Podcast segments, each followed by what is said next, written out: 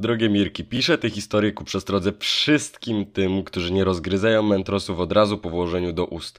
Otóż ja i moja dziewczyna poszliśmy na studia do różnych miast. Po miesiącu rozłąki zdecydowaliśmy się wreszcie spotkać, a jako, że byłem bardzo szczęśliwy z tego powodu, postanowiłem zrobić jej minetę.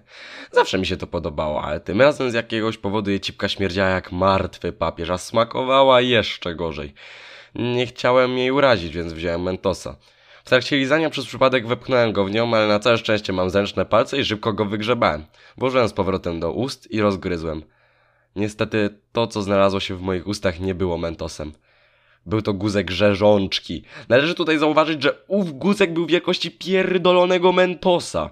Zamiast lodowej świeżości moje usta wypełniły się ropą. Zacząłem krzykać, żygać i rzucać się po całym pokoju.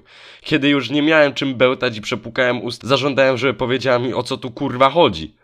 Okazało się, że głupia suka zdradziła mnie z jakimś kolesiem w tydzień po wyjeździe i nawet nie miała pojęcia, że coś z nią nie tak. Od tamtego czasu siedzę w mojej piwnicy, lecząc rzeżączkę w ustach i edukując ludzi na temat prawidłowej konsumpcji mentosów.